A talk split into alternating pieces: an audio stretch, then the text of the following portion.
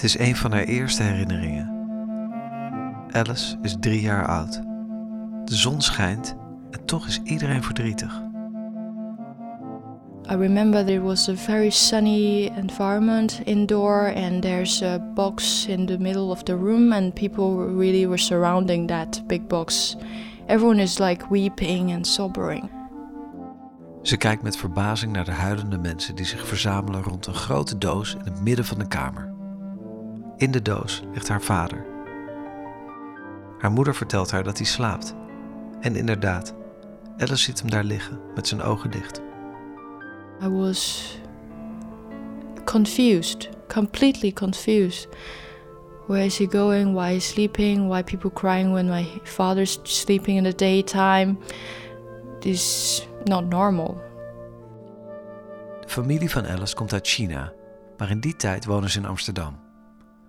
Kort na de begrafenis merkt ze dat er thuis iets raars aan de hand is. My brother and my mom was busy packing. Didn't talk anything about it. And I just climb onto the chair and what are you doing on the dining table? Why are there boxes and bags and like everything you're packing? Where are you going? And then they were like, oh, we're going to Hong Kong. Haar moeder is bezig met inpakken en vertelt dat ze naar Hongkong gaan. And this is such a strange word to me. What is Hong Kong? This word I never heard of, and I just like to stay in Holland. Tegen haar zin verhuizen ze naar Hongkong. Daar ziet ze een film op tv waarin iemand doodgaat. Ineens begrijpt ze dat haar vader waarschijnlijk niet meer terug zal komen. Uh, I watched TV and I realized it's maybe probably his death. Maar het wordt pas echt duidelijk op de dag dat ze een formulier meekrijgt van school, waarop haar moeder haar beroep moet invullen. And my mom's write a widow. Ze schrijft weduwe. So he died.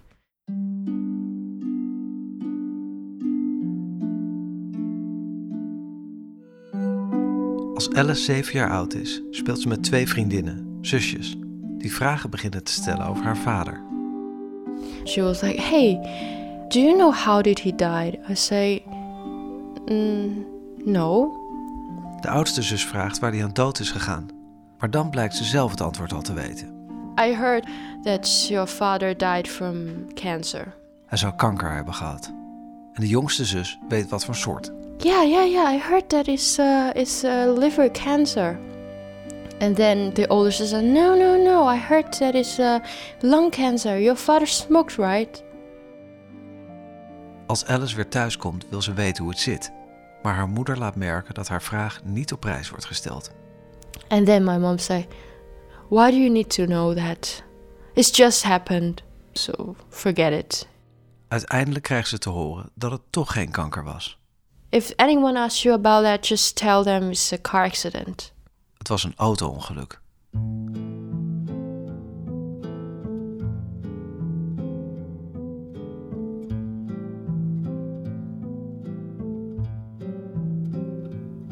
Door de jaren heen krijgt Alice stukje bij beetje meer te weten over haar vaders dood. Ze weet bijvoorbeeld dat het ongeluk vroeg in de ochtend is gebeurd, voordat hij naar zijn werk ging. Ze krijgt ook te horen dat haar vader veel mensen hielp, vluchtelingen uit China. Van de brokjes informatie maakt ze een kloppend verhaal. Bits by bits, she gave me the facts. Then I just automatically form a story of oh, in the early morning he died because of maybe one of his friends who needed help, so he drove really fast, and then and then he had a car accident. Ze zag het voor zich, hoe haar vader als een soort superheld de auto instapte om zijn vrienden te helpen, maar een ongeluk kreeg omdat hij zich zo moest haasten. Hij moest immers op tijd zijn op zijn werk. But that is stupid because my father actually couldn't drive. Kort geleden hoorde ze van haar tante dat haar vader geen rijbewijs had. What I've been believing is just completely illusion. Haar hele leven heeft ze geloofd in een illusie, maar op dat moment weet ze dat nog niet. Ze komt er pas achter als ze naar Nederland gaat om te studeren aan de Design Academy in Eindhoven en begint te graven. Actually, the first day I arrived in Netherlands, I looked up in Google. Op Google kan ze niks vinden over het ongeluk. Maar dan krijgt ze een Nederlands vriendje die ervan houdt om dingen grondig uit te zoeken. He has Asperger syndrome, a mild one, but uh, he's really digging everything up. Haar vriend heeft een milde vorm van Asperger. We search 1992, uh, Amsterdam car accident, and then there's a list. Ze vinden een lijst met alle auto-ongelukken van 1992. And nothing comes out. Nothing happened in October, September, nothing. Nergens ziet ze de naam van haar vader staan. Maar als het geen auto-ongeluk was, wat was er dan gebeurd? I was thinking either murdered, kidnapped, then murdered, or suicide. Eerst maakt ze een schema van alle mogelijkheden. Ze komt tot de conclusie dat het moord of zelfmoord moet zijn geweest. Dan confronteert ze haar moeder. And then at the end, my mother told me, Your father was assassinated. Hij blijkt te zijn vermoord. Even someone assassinate him. What did he do? What was he doing in his life? Opeens dringen de vragen zich op. Wat heeft haar vader gedaan? En wie was hij eigenlijk? De enige die de antwoorden zou kunnen hebben is haar moeder. But then I didn't totally trust her this time. Maar Alice vertrouwt haar moeder niet meer. I was so skeptical. I think this is the last time I, I should take control. I shouldn't let her to tell me whatever and I believe in her. Alice besluit om zelf op onderzoek te gaan. Then I decided to stay and investigate it. Ze maakt een afspraak bij de politie in Amsterdam en krijgt een dikke map met het autopsierapport, het forensisch onderzoek en verhoren met negen getuigen. Door de verschillende verklaringen kan Alice de laatste 20 minuten van haar vaders leven reconstrueren. Ze maakt er een film van, haar afstudeerproject, waar ze van minuut tot minuut de moord op haar vader in kaart brengt. Een fragment. There were nine witnesses. In order to understand what each of them was doing and seeing at a certain moment, I made a timeline. According to the reports, the assassination happened within 20 minutes, starting at 6:45. My father was leaving the apartment to work, and the suspect was hanging around the staircase on the first floor. Een buurman aan de overkant hoort een man schreeuwen in een vreemde taal. Hij ziet een bonk op een raam, maar niemand doet open.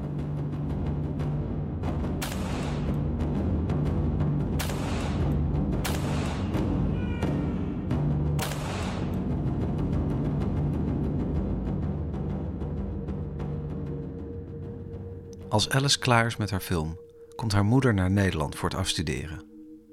Ze ziet de film voor het eerst en kijkt zonder enige expressie, maar na afloop is haar gezicht nat van de tranen. Dan vertelt ze waarom ze de waarheid verborgen heeft gehouden. The way of her father already passed is already history. We better leave it. Don't think anymore. If you always think father, father, just put more painful inside your body. Het is beter om er niet over na te denken, zegt ze, want dat doet alleen maar pijn. En zelf is het haar gelukt om de herinnering aan de moord uit haar geheugen te bannen. I didn't have any memory, mostly. I already live it. Maar sinds Alice haar heeft gebeld om vragen te stellen, is het allemaal weer boven gekomen. Yeah, she called me on the phone, sometimes FaceTime, and uh, after that one month I couldn't sleep well. Een maand lang werd ze geteisterd door nachtmerries. The shooting sound is like a firecrackers. Bak, bak, bak, bak. In haar dromen hoort ze het geluid van vuurwerk. I say, why so early have the firecrackers? And after that, I, I wake up. En dan schrikt ze wakker van het besef dat dit het geluid van het wapen moet zijn. Bij haar moeder komt langzaam terug wat er allemaal is gebeurd. Maar voor Alice is de nachtmerrie nog maar net begonnen. I don't know who to believe anymore. Ze vertrouwt niemand meer. I also have a trauma of a car accident because I also think it's not safe. En ze is doodsbang in het verkeer. Een trauma van een gebeurtenis die nooit heeft plaatsgevonden.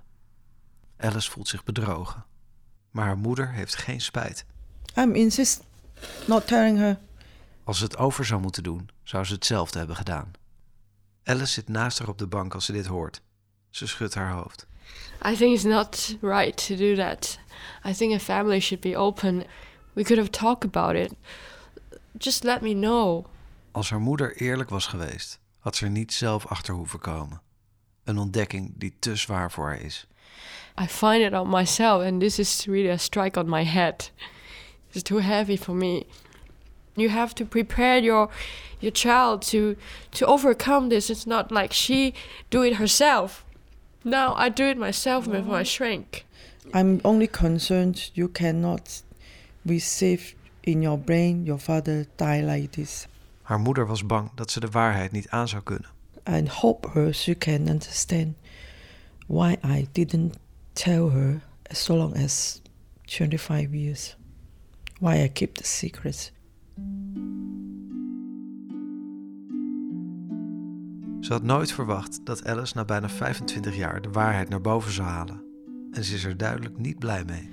I don't know she will take up this story. Intussen is Alice niet alleen boos op haar moeder, maar ook op haar vader, die kennelijk niet zo heldhaftig was als ze dacht. He's just a criminal. Maybe. De moeder van Alice beweert dat hij onschuldig is. Hij ging alleen met de verkeerde vrienden om. Like a ma- mafia. Zijn vrienden bleken deel uit te maken van de Chinese maffia in Amsterdam. The friends they they kill one Chinese guy, but on that moment my husband is the, on the same table to have dinner with them. Als de vader van Alice met zijn vrienden zit te eten in restaurant Namke, schiet een van zijn vrienden opeens een man dood.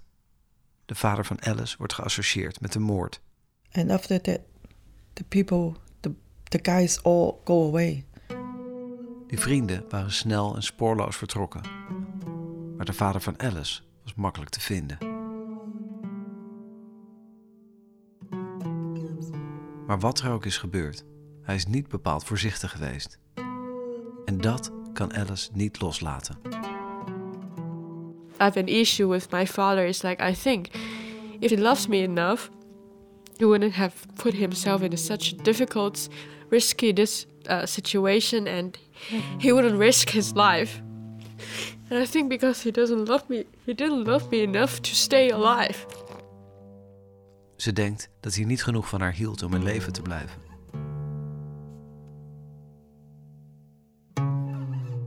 Sinds Alice de waarheid kent, ziet ze haar ouders in een ander licht.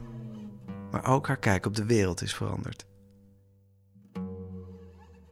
Every one of us is just animals with a very primitive behavior, and we try to force ourselves to be civilized, but we are not there yet because people is just selfish animals. They just think for themselves. They just reproduce, and then that's it on Earth.